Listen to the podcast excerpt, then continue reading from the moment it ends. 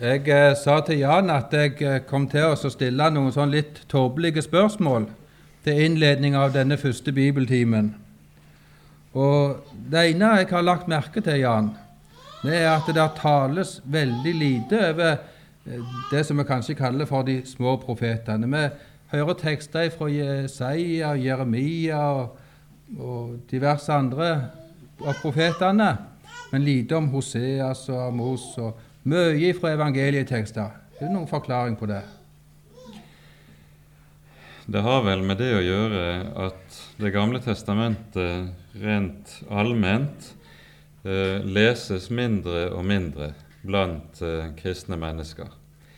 Og i den grad man i det hele tatt eh, beskjeftiger seg med Det gamle testamentet, så blir det vel da helst med hovedskriftene, enten Salmenes bok, første og andre Mosebok kanskje, og så enkelte av uh, profetene, sånn som da særlig Jesaja gjerne.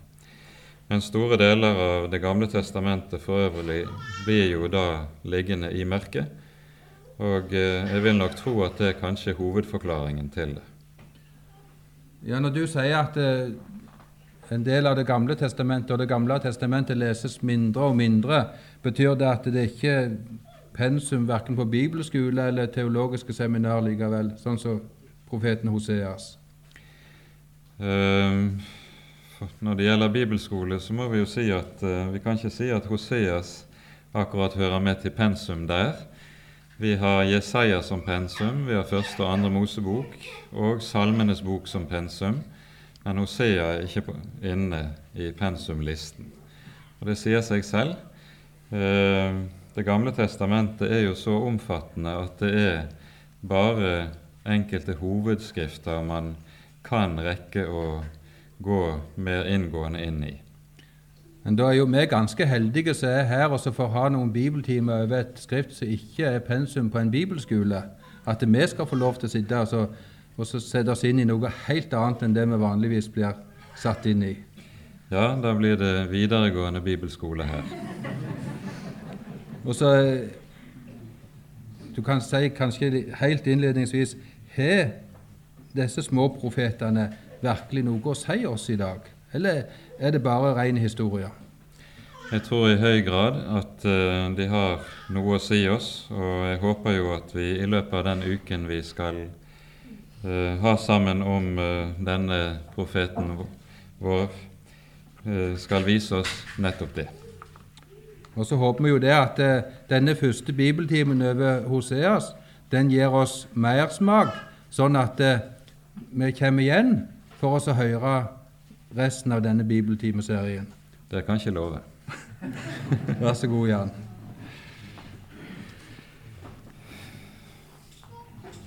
Vel, vi skal være sammen om profeten Hosea, men eh, la oss folde hendene og be sammen før vi begynner. Kjære gode Gud, trofaste Herre og Far.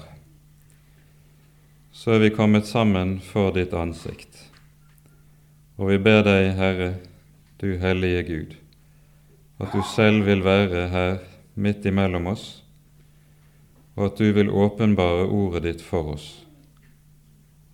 For Herre, bare når vi har lys i dine ord, har vi også lys inn over våre egne liv og vår egen tid.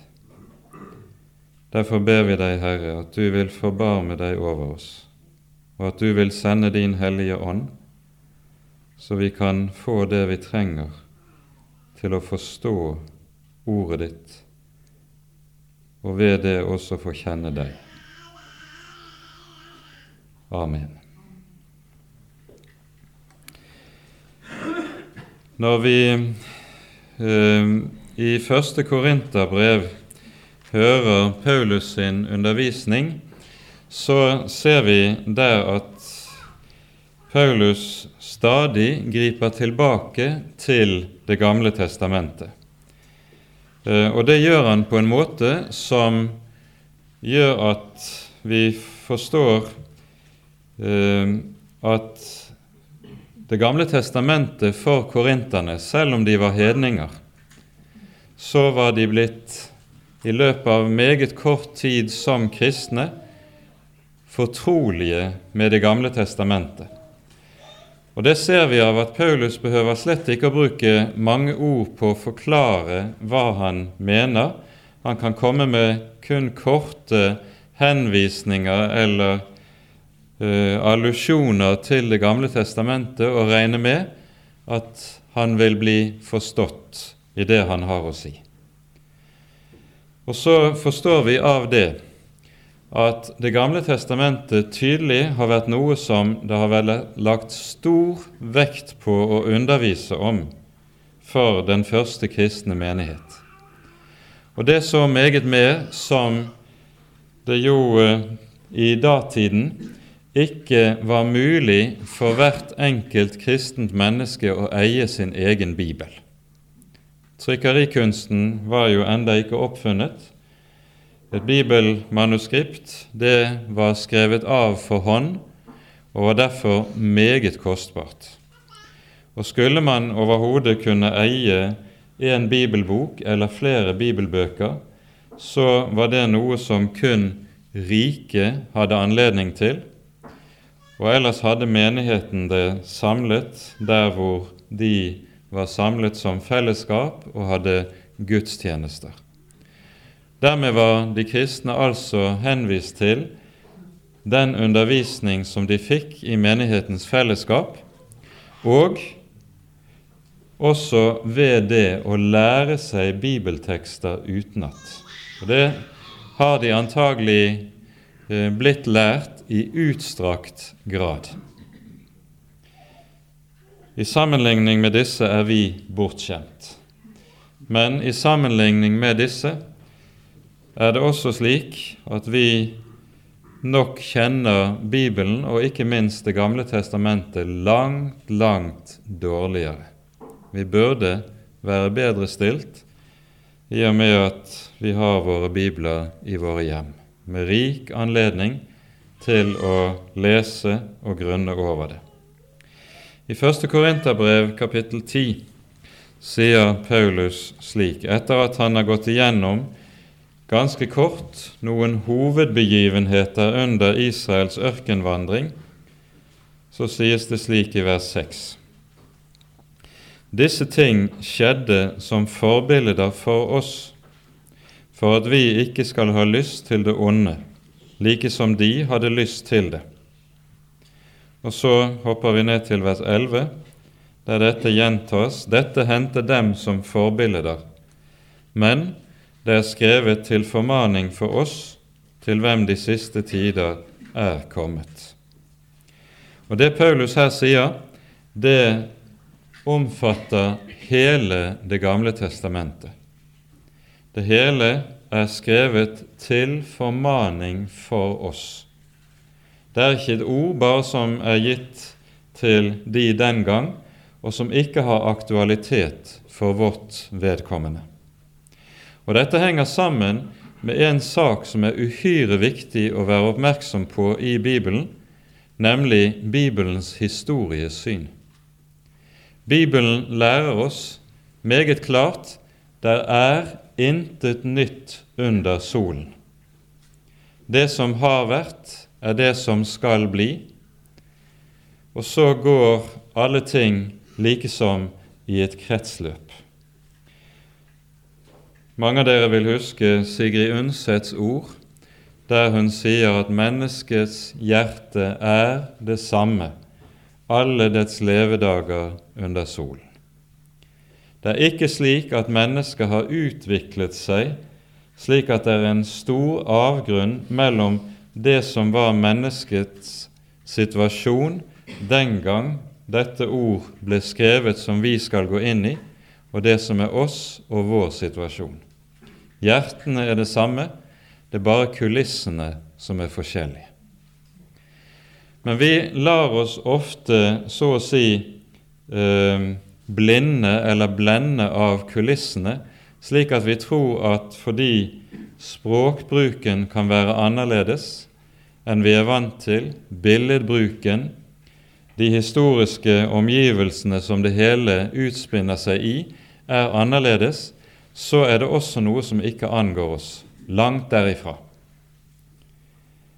Når vi får sett nærmere på disse tekstene, så vil det forhåpentligvis være slik at vi vil se dette taler i høy grad også inn i vår tid og i vår situasjon. La oss nå lese først det første verset ifra Hoseas bok.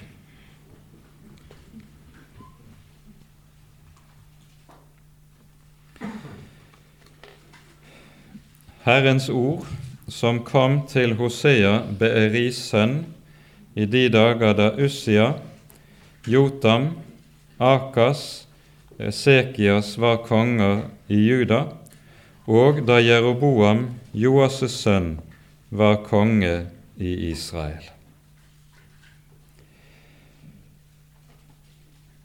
Med det vi hører i dette innledningsordet, så tidfestes profeten Hoseas virksomhet ganske nøyaktig.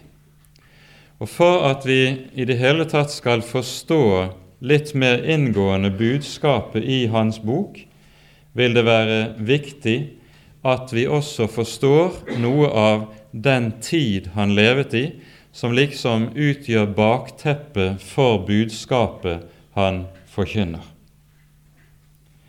I og med at vi hører disse ulike kongene navngis, så vet vi dermed også noenlunde nøyaktig når Hosea har levet og virket. Her er det en viss avstand eh, mellom eldre kristne historikere og nyere, men man mener allment at Hoseas virketid har spent over så lang periode som muligens 40 år. Det ser man av disse kongene som listes opp her. Og Hvis man da sammenligner det med det, de opplysningene vi finner i kongebøkene. Videre så vet vi noenlunde når dette var. Rent eh, man kan si sånn omtrentlig at Hosea antagelig har virket fra ca. år 790 før Kristus frem til ca. år 750. Men dette er altså omtrentlige angivelser. Vi vet ingenting nøyaktig på dette området. Og Hoseas er eh, hovedprofet i denne epoken, ehm, men virker likevel samtidig med et par andre. Ehm, bak på bordet her nede er det lagt ut et ark som dere kan ta med dere. Det er ikke trykt opp mange nok, men Jostein kan sikkert få trykt opp flere. Som en hjelp til å få en viss oversikt når det gjelder eh, plassering og slikt i Det gamle testamentet. Eh, poenget med dette, det vi hører, finner på dette arket, det er utarbeidet av eh, lærer Olav Rørtveit i hans kristendomsundervisningsarbeid. Eh, poenget her er, det er at man kan inndele Det gamle testamentets teksthistorie i tre hovedepoker. For det første har du den mosaiske epoke. Det er lovstiftningens epoke. Det er her Mosebøkene nedskrives, og antagelig også Josvas bok i samme epoke. Dernest kommer den andre store litteraturperioden, 400 år etter Moses ca. Det er kong Davids og kong Salomos tid.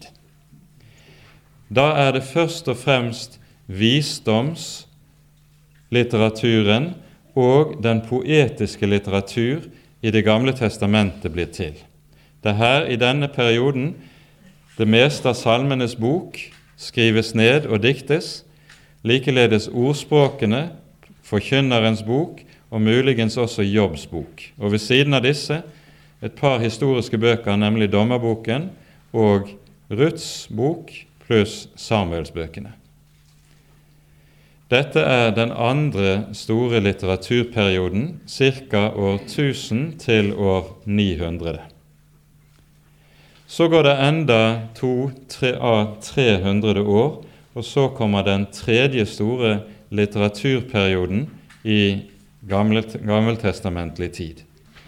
Da er det den profetiske litteratur blir til. Og denne perioden begynner ved begynnelsen av 700-tallet, dvs. Si omtrent på Hoseas tid, og varer frem til den siste av Det gamle testamentets profeter, nemlig Malakia, som dør rundt år 400. Her er det altså tale om en periode som strekker seg over hele 400 år. Og den kan igjen inndeles i tre underperioder som har navn etter de tre store verdensrikene som dominerte den politiske arena i løpet av denne lange perioden på 400 år. Du har først den asyriske periode, der det er det asyriske verdensriket som er den rådende verdensmakten. Dernest kommer den babylonske perioden, og så til slutt den persiske perioden.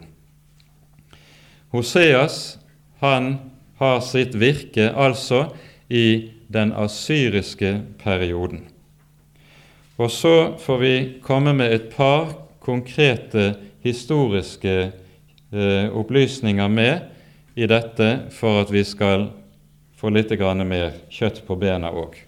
Jeg håper ikke det tretter dere, men det er viktig å ha noen sånne knagger eh, å henge eh, disse tingene på.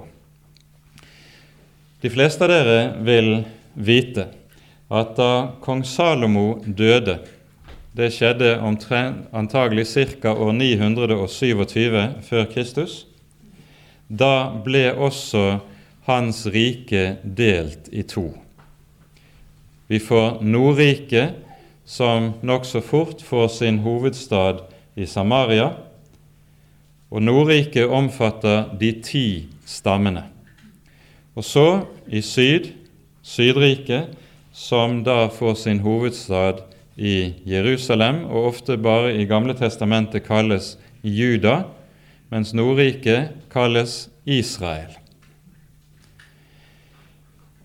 Disse to rikene ligger i store deler av de etterfølgende århundrene i krig med hverandre. Og de får en nokså forskjellig periode eller nokså forskjellig historie. Og det er slik at Nordriket går under. Det erobres og legges totalt i ruiner av asyrerne i år 721 eller 722 før Kristus.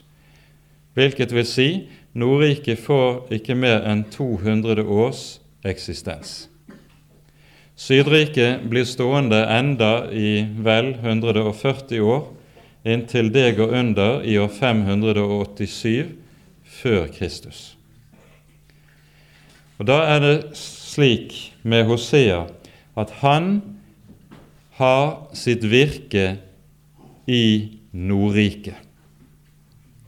Han er antagelig den eneste av Det gamle testamentets profeter som er født i Nordriket, og også har sitt virke i Nordriket. Det er også to andre av skriftprofetene som hører til i Nordriket. Det er profeten Amos, som er en noe tidligere samtidig av Hosea, men han er født i Sydriket og han kalles av Herren. Han er født i en liten by som heter Tekoa, i like, like nærheten av Betlehem. Og han kalles av Herren til å reise nordover og være profet i nord.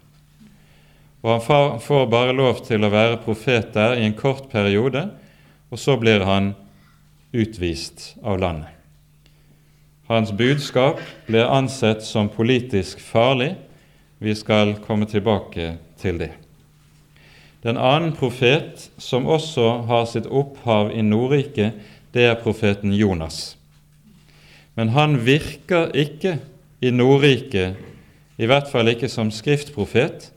Han, hans hovedvirke består jo i at Herren sender ham til Asyria, til det asyriske rikets hovedstad Ninive. Slik blir Hosea altså den eneste profet som både er født i Nordriket og har hele sitt livsvirke i Nordriket. Og i og med at han da får denne virketiden fra ca. 790 til 750, så blir dette en virketid som er i en periode like før Nordriket går under.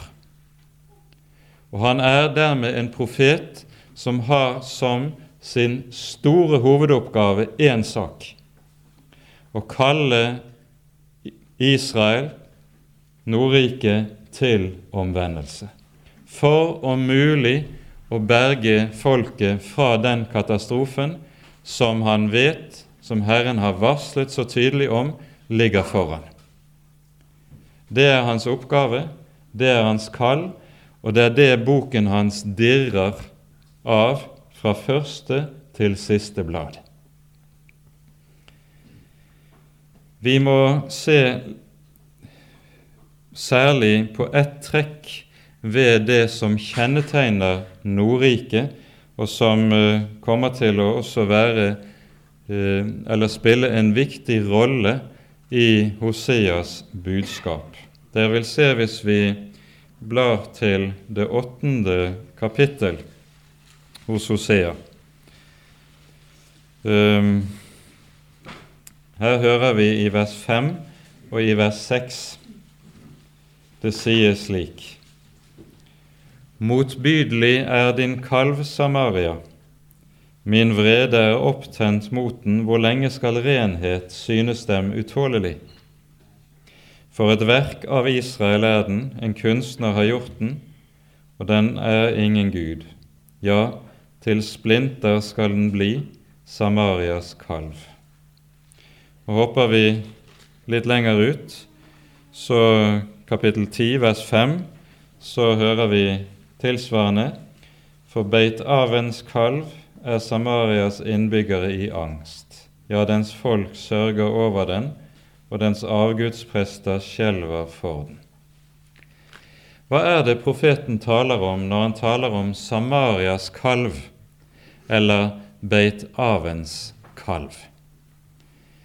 Dette er det vi kanskje i hovedsak skal konsentrere oppmerksomheten om i denne bibeltimen, for dette er Nordrikets, Israels nasjonalsynd om vi kan si det slik. Og Skal vi forstå hva det dreier seg om her, så må vi hoppe til første kongeboks tolvte kapittel.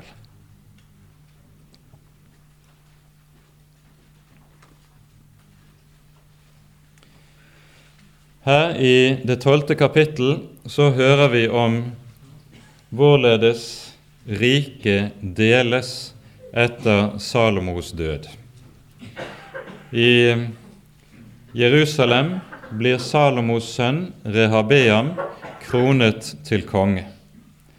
Men han oppfører seg som en dåre i forbindelse med tronstigningen og de, det som umiddelbart følger etter, slik at de ti stammene i nord vender ham ryggen og velger sin egen konge.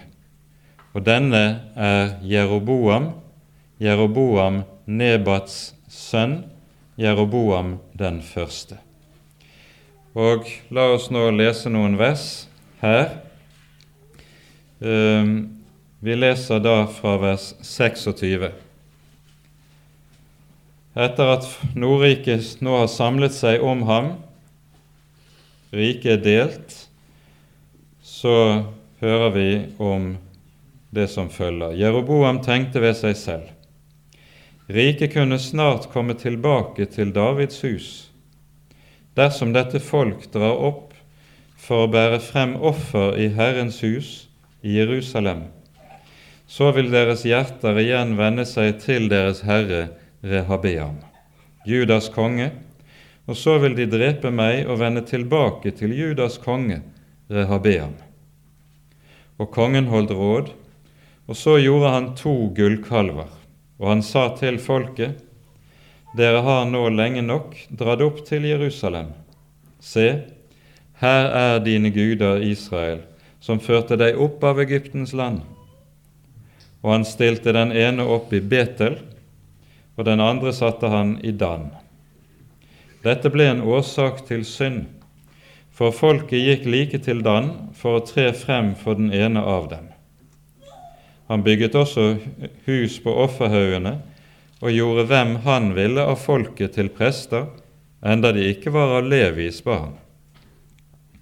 Og Jeroboam holdt en fest i den åttende måned på den femtende dag i måneden, i likhet med festen i Juda, og han ofret på alteret. Således gjorde han i Betel. Han ofret til kalvene som han hadde gjort, og han lot dem som han hadde gjort til prester ved offerhaugene, gjøre tjeneste i Betel. Og han ofret på det alteret han hadde gjort i Betel, den femtende dag i den åttende måned, den måned han hadde valgt etter sitt eget hode.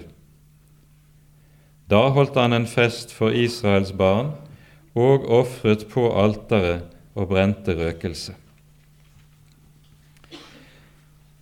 Dette er det vi altså har kalt for Nordrikets nasjonalsynd. Det kong Jeroboam frykter, det er at folket som jo er Guds folk, det har ifølge Herrens lov plikt til å dra opp til Herrens hus i Jerusalem tre ganger i året for å feire høytid. Men Jerusalem er jo ikke under Jeroboams område. Det er under Rehabeams, det er på Sydrikets område. Og Så frykter da Jeroboam at hans makt, hans politiske stilling, vil svekkes dersom folket stadig bevarer denne forbindelsen til Jerusalem. Følgelig tenker han vi må få vår egen nasjonale religion, som kan samle folket, binde folket til meg og gi en nasjonal identitet. Det er det han vil. Og I dette så ser vi jo noe som er ganske karakteristisk for makthavere alltid oppover gjennom historien. Makthaverne har alltid ønsket å ha kontroll med gudsdyrkelsen, med religionen, fordi de vet at kan de kontrollere religionen, så kontrollerer de også folket. Det gjelder enten det er en Jeroboam, eller det er keiser Nero, eller det er Arbeiderpartiet i dag, som med sin religionspolitikk helt klart ønsker å ha kontroll med det som er folkets gudsdyrkelse, for å kunne nå sine egne politiske mål på det viset. Nettopp slik er det altså Jeroboam opptrer. Og hva er det han da gjør? Jo, han rådfører seg med sine fremste ledere, og så bygger de to helligdommer. En i Betel. Betel ligger helt syd i Israel, i Nordriket, relativt nær grensen mot Sydriket, mens Dan det ligger helt nord, på nordgrensen i landet. Og slik er det, så, er det nærmest at folket så har to steder der de kan dra og ofre. Og Det vi da legger merke til, det er at Jeroboam ikke sier 'nå skal vi dyrke andre guder, Israel'. Han søker ikke å gi folket nye guder, fremmede guder eller andre guder. Hva sier Jeroboam? Han sier 'slik skal vi dyrke Herren, vår Gud'. Og Det Jeroboam gjør, det er jo etter forbildet av hva Aron gjorde ved Sinai da Israel reiste gullkalven. Og så kan vi stille spørsmålet hva er det egentlig som skjer når Aron reiser gullkalven ved Sinai? Han sier jo uttrykkelig, det vil du si, se i 2. Mosebok 32, at når de har reist den og satt den opp på en pidestall, så sier han til folket dette er Herren din Gud, Israel, som førte deg opp av Egyptens land. Han sier altså ikke 'nå har vi laget en ny Gud som vi skal dyrke, en annen Gud enn Herren'. Nei, han sier 'Dette er Herren din Gud, Israel, som førte deg opp av Egyptens land'. Hva er det Aron egentlig gjør? Det han gjør, det er at han vil innføre ikke en ny gudsdyrkelse, men en ny måte å dyrke Gud på, men han vil beholde den samme Gud.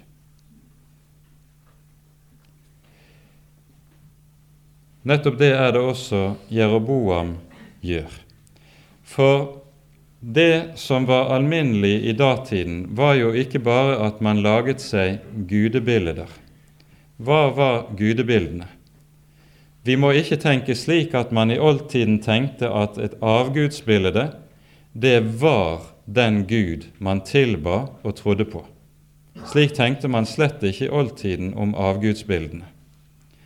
Det man tenkte om avgudsbildene, var at de var et symbol som representerte Gudens nærvær. De visste meget godt at gudene bodde i himmelen. Avgudsbildet var bare et symbol som symboliserte og representerte Gudens nærvær. Det var nærmest som du kunne tenke deg en linse som samler solstrålene inn i et brennpunkt, så var bildet et slikt brennpunkt. Og Nettopp dette er det han ønsker å gjøre med gullkalvene. Han lager ikke et avgudsbilde, men han reiser noe som skal være et symbol på Herren Israels Gud. De vil fortsatt dyrke Herren, men de skal dyrke ham på en ny måte. Og hva er det som er problemet med denne nye måte?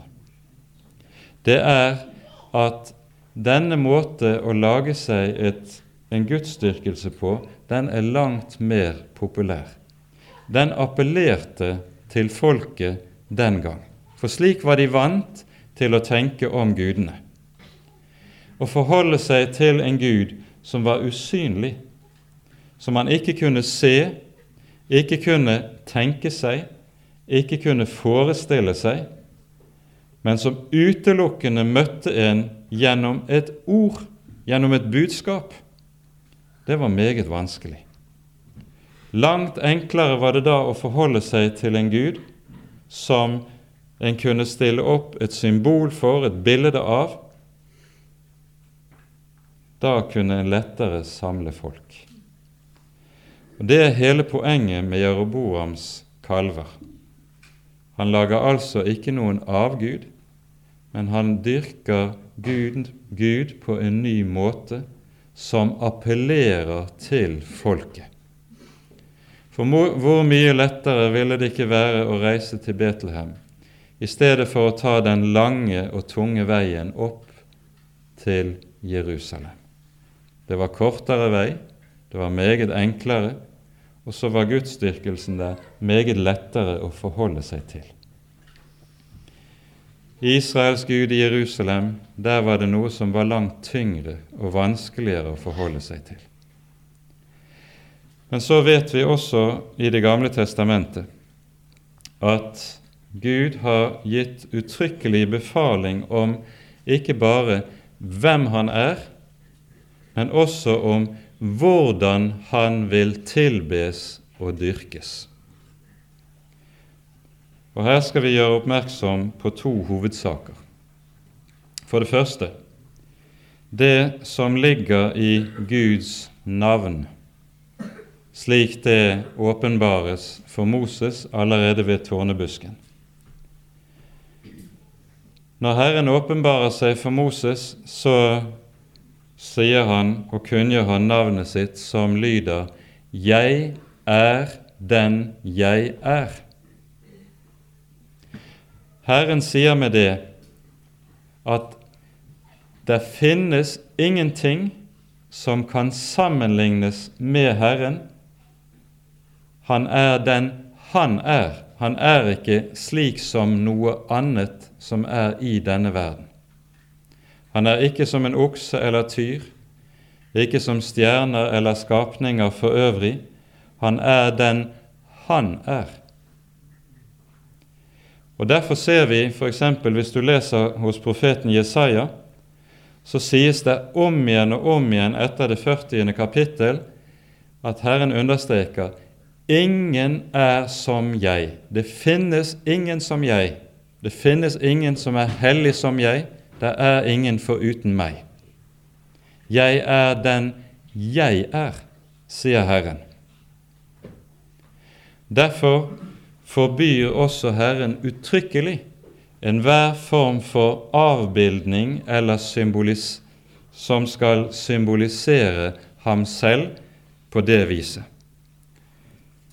Dette understrekes med stor styrke i 5. Moseboks fjerde kapittel. Og Her er det et avsnitt vi skal legge nøye merke til.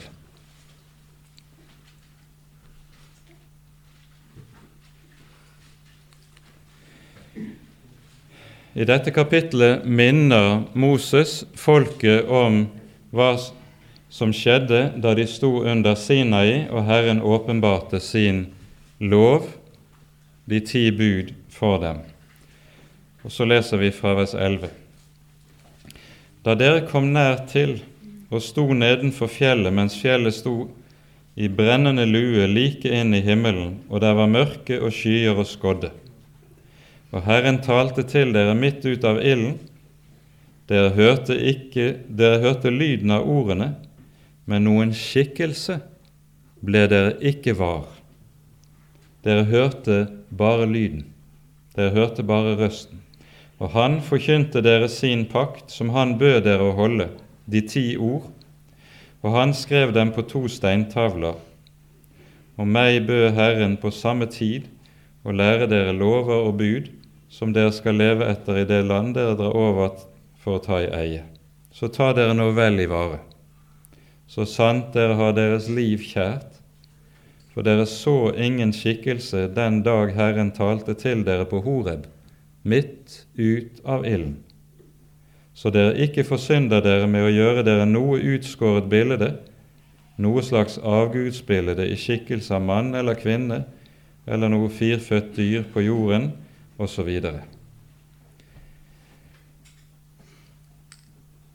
De så ingen skikkelse, de hørte kun et ord. Og med det så sier Herren noe som er helt fundamentalt i den bibelske åpenbaring. Gud vil la seg dyrke ikke i bilder, men i et ord. For han møtes ikke synlig, men han møter oss gjennom et ord som lyder til oss, og som kommer til oss i det hellige ordet i Skriften. Om vi kunne si det slik når Gud skal møte mennesket, så kommer han ikke til det gjennom synssansen, men gjennom hørselssansen. Du hørte bare røsten som talte, men noen skikkelse så du ikke. Dette har alltid representert noe av et anstøt for det falne mennesket. For det falne mennesket ønsker alltid å kunne ha en Gud som de kan se og føle og ta på. Det er så meget lettere å forholde seg til. Men har vi bare et ord, så er det meget sværere. Det Jeroboam gjør med kalvene, det er at han nettopp gir folket en mulighet til å dyrke Gud på en måte som tiltaler det falne mennesket. Han kommer ikke med nye guder, han kommer ikke med avguder, men han tilbyr å dyrke Gud på en ny måte, som er enklere for det falne mennesket, som vi altså ville si med våre ord er lettere, den er mer populær. Så hører vi i fortsettelsen av dette hva Jeroboam gjør. Han innsatte til prester hvem han ville, ikke hvem Herren hadde kalt. Og vi hører at når han ordner denne nye gudsdyrkelse, så skjer det slik at han gjør det etter sitt eget hode, ikke slik som Herren hadde sagt og talt. For hopper vi til 5. Moseboks 12. kapittel, så vil du der se hvorledes Herren taler om hvordan han skal dyrkes. Det rekker vi ikke å gå videre inn på nå, men legg altså merke til dette. Det Jeroboam gjør, det er at han innstifter en gudsdyrkelse som for det første skal være samlende. Han søker, og for at den skal være samlende, så gir han folk det de vil ha. Noe som er populært, noe som appellerer til folk. Og folket går rett på dette. De syntes det var strevsomt å reise den lange veien til Jerusalem. Mye enklere å bare dra til Betel. Og så blir dette Israels nasjonale synd. For det som dermed skjer, det er jo at Herren settes i samme kategori, i samme klasse, som avgudene som folkene har omkring. Det, det Jeroboam gjør, det at han sier dypest sett er det ingen avgjørende eller vesensforskjell mellom Herren Israels Gud og kananittenes mange forskjellige guder. Den eneste forskjellen er at Herren er Israels nasjonale Gud. Så har de andre sine guder, men for øvrig er det ikke avgjørende skillelinjer. Men vi legger altså merke til med dette at det er tilbud om å dyrke Gud på en ny måte som ligger i det Jeroboam gjør. Og så er det dette som blir begynnelsen til enden. Hopper vi nå til annen kongebok, kapittel 14, så er vi midt inne i profeten Hoseas tid. Vi er nå 150 år senere etter Jeroboam den første, og nå er Jeroboam den annen født. Vi leser i 2. kongebok, kapittel 14, fra vers 23. I Judas konge Amashas, Joas sønns 15. år, ble Jeroboam, sønn av Israels konge Joas, konge i Samaria, og han regjerte 41 år. Han gjorde hva ondt var i Herrens øyne han vek ikke fra noen av de synder som Jeroboam, Nebats sønn, hadde gjort og fått Israel til å gjøre. Her hører vi Jeroboam den annens, som altså var konge på Hoseas tid, sin kongegjerning samles i en kort sum. Han vek ikke fra noen av de synder som Jeroboam den første hadde startet med. Legg også merke til det uttrykket som står her, og som er meget viktig i Bibelen. Han gjorde hva ondt var i Herrens øyne. Å gjøre det som ondt er i Herrens øyne, det hører vi stadig sies om Israels konger i Det gamle testamentet. Når du møter det uttrykket, skal du være oppmerksom på at det slett ikke behøver å bety at det som da ble gjort, var ondt i menneskers øyne. Tvert om. Ofte er det nettopp det som er ondt i Herrens øyne, som anses godt, ja, verdifullt og attråverdig i menneskers øyne. Synden med gullkalvene, et eksempel, var politisk klokt, men det var dårskap i Guds øyne. Det var maktpolitisk visdom som lå bak, men det var det som ble deres undergang. Merk denne avgjørende forskjell på hva som er godt i Guds øyne, og hva som er det i menneskers øyne. For de to ting faller svært sjelden sammen når vi ser på åpenbaringshistorien. Veldig ofte er det slik at det alle sier 'dette er godt, dette er rett', så trer Herren frem og sier 'dette er ondt' i mine øyne. Nettopp det er det som er noe av det klima som Hosea også taler inn i. Vi leser videre. Det sies om Jeroboam, fra vers 25 leser vi nå, han vant tilbake Israels landemerker, fra der hvor veien går til Hamat og like til ødemarkshavet etter det ord som Herren Israels Gud hadde talt ved sin tjener profeten Jonas, Amittais sønn, fra Gathefer. For Herren hadde sett at Israel var stett i bitter nød, og at det var ute med både store og små, og Israel hadde ingen hjelper. Og Herren hadde ikke sagt at han ville utslette Israels navn under himmelen. Derfor frelste han dem ved Jeroboam, Joas' sønn. Med det som sies her i vers 26, nei, i vers 27, unnskyld, så aner vi at nå er vi ved begynnelsen til enden for Nordriket. Her sies det Herren hadde enda ikke sagt at han ville utslette Israels navn under himmelen. Med Amos og Hoseas kommer Herren og sier nettopp det.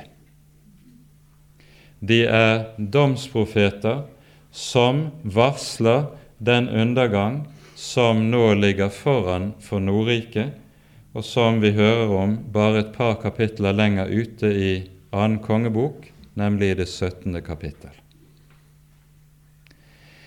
Og Her er poenget det at Jeroboams regjeringstid, Jeroboam den 2., som altså strekker seg over 41 år, det er en lang periode, det er samtidig Nordrikets siste nådetid. Forut for Jeroboam den annen kom på tronen, har Nordriket opplevd sin sværeste tid overhodet. Vi hører om hans forgjengere, hans fedre, Jehu og Joas, der Nordriket var under veldig trykk fra Syria. Syrerne, Damaskus, med Damaskus som hovedstad, representerte en formidabel militær trussel. Og under Jeroboams to forgjengere så erobret syrerne det aller meste av Nordriket. Først tok de den delen av Nordriket som lå øst for Jordan, og etter hvert åt de seg også sørover og innover i det egentlige Israel. Og så sies det om eh, Israels tilstand under Joas et par kapitler før de hadde bare 50 hester og ryttere igjen. Deres makt var så godt som fullstendig knust. Og Dette sies også uttrykkelig. Dette var Guds dom og tukt og refselse over det frafall som foregikk i Nordriket. Men så, under nettopp Joas, Jeroboams far, så ser vi spiren til omvendelse. Det vil du høre om i kapittel 13 i, i, i annen kongebok. Og Herren er da meget snar med likesom å ville lønne den begynnende omvendelse som han ser tar skikkelse i Nordriket. Og så gir han dem en ny nådetid. Og denne nådetiden kommer altså med Jeroboam den annen.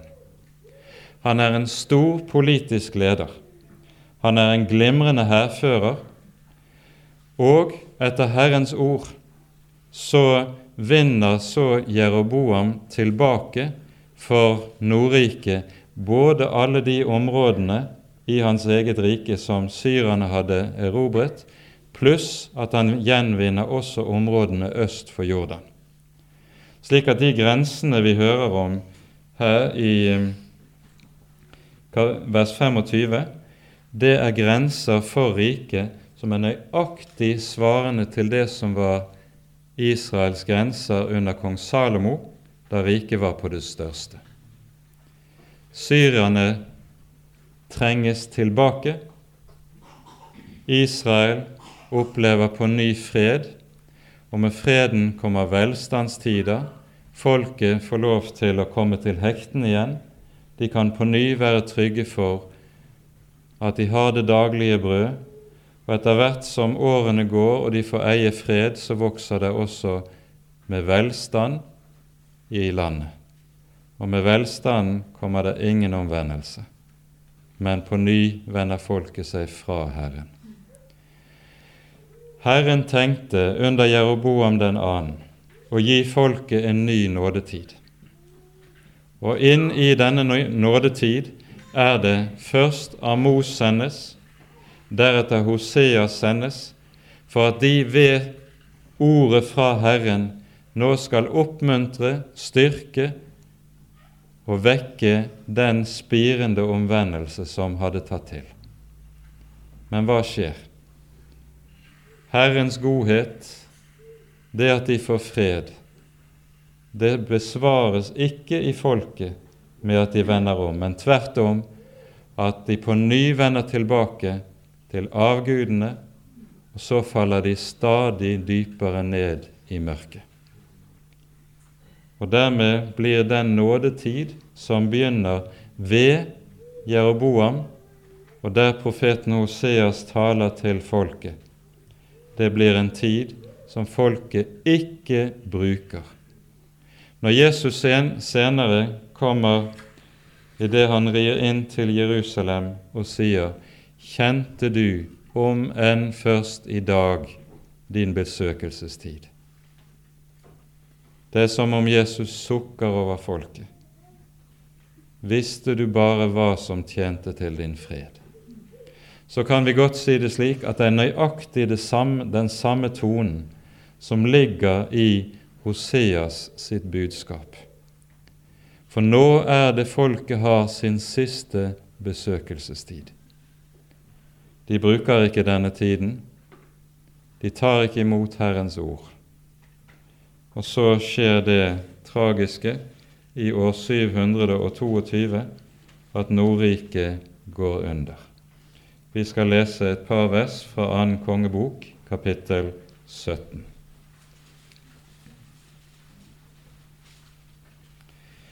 I Judas konge Akas tolvte år ble Hosea, sønn av Ela, konge over Israel i Samaria. Han regjerte i ni år. Han gjorde hva ondt var i Herrens øyne, dog ikke som de konger i Israel som hadde vært før ham.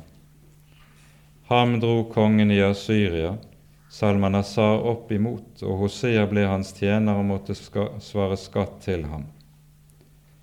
Men da kongen i Asyria kom etter at Hosea hadde innlatt seg i en sammensvergelse, idet han hadde sendt bud til kongen i Egypt, Soa, og ikke lenger betalte skatt til kongen i Asyria, således som han før hadde gjort år for år, så satte kongen i Asyria ham fast og holdt ham i fengsel, for kongen i Asyria dro opp over hele landet, og han rykket frem mot Samaria og holdt det kringsatt i tre år. I Hoseas niende år inntok den asyriske kongen Samaria og bortførte Israel til Asyria og han lot dem bo i Hala og ved Habor, en elv i god sand, og i Medias byer. Og med dette, i år 721, er det ikke bare Nordriket går under, men de ti stammer i Israel også blir borte fra historiens arena. Det har jo senere vært noe av et mysterium hvor disse ti stammene er blitt av. For til forskjell fra det som skjedde i Sydriket, da Jerusalem ble erobret av babylonerne og innbyggerne der ført i fangenskap i Babylon, så var det jo slik at der i Babylon så vendte folket tilbake til Herren. Godt hjulpet av at profeten Esekiel virket blant de bortførte i fangenskapet. Og så får de etter sin omvendelse vende tilbake, og landet bygges opp igjen, riket gjenreises. Det skjer ikke med Nordriket. De ti stammene blir borte, og ingen vet til den dag i dag hvor de er henne. Og så fortsetter kongebøkenes profetiske forfatter slik. Således gikk det fordi Israels barn syndet mot Herren sin Gud, som hadde ført dem opp fra Egyptens land og utfridd dem av den egyptiske konge faraos hånd og fryktet andre guder. De vandret etter de hedningefolks skikker som Herren hadde drevet bort for Israels barn, og etter de skikker som Israels konger hadde innført. Nådetiden var slutt, og så er det punktum. Og det er til og inn i denne situasjonen, altså profeten Hoseas, er kalt til å tale. Og så skal vi ha dette i minne som noe av et bakteppe når vi videre i uken arbeider med profetens budskap, at dette er det store alvor som ligger i budskapet. Å høre Herrens ord, det er å møte sin evige skjebne. Å høre Herrens ord, hvorledes vi stiller oss til det ord som Herren lar bære frem, det er det som avgjør evig liv eller evig død. Det er det som avgjør velsignelse eller forbannelse. Med det setter vi punktum for timen i dag. Ære være Faderen og Sønnen og Den hellige ånd, som var og er og være skal, en sann Gud, høylovet i evighet. Amen.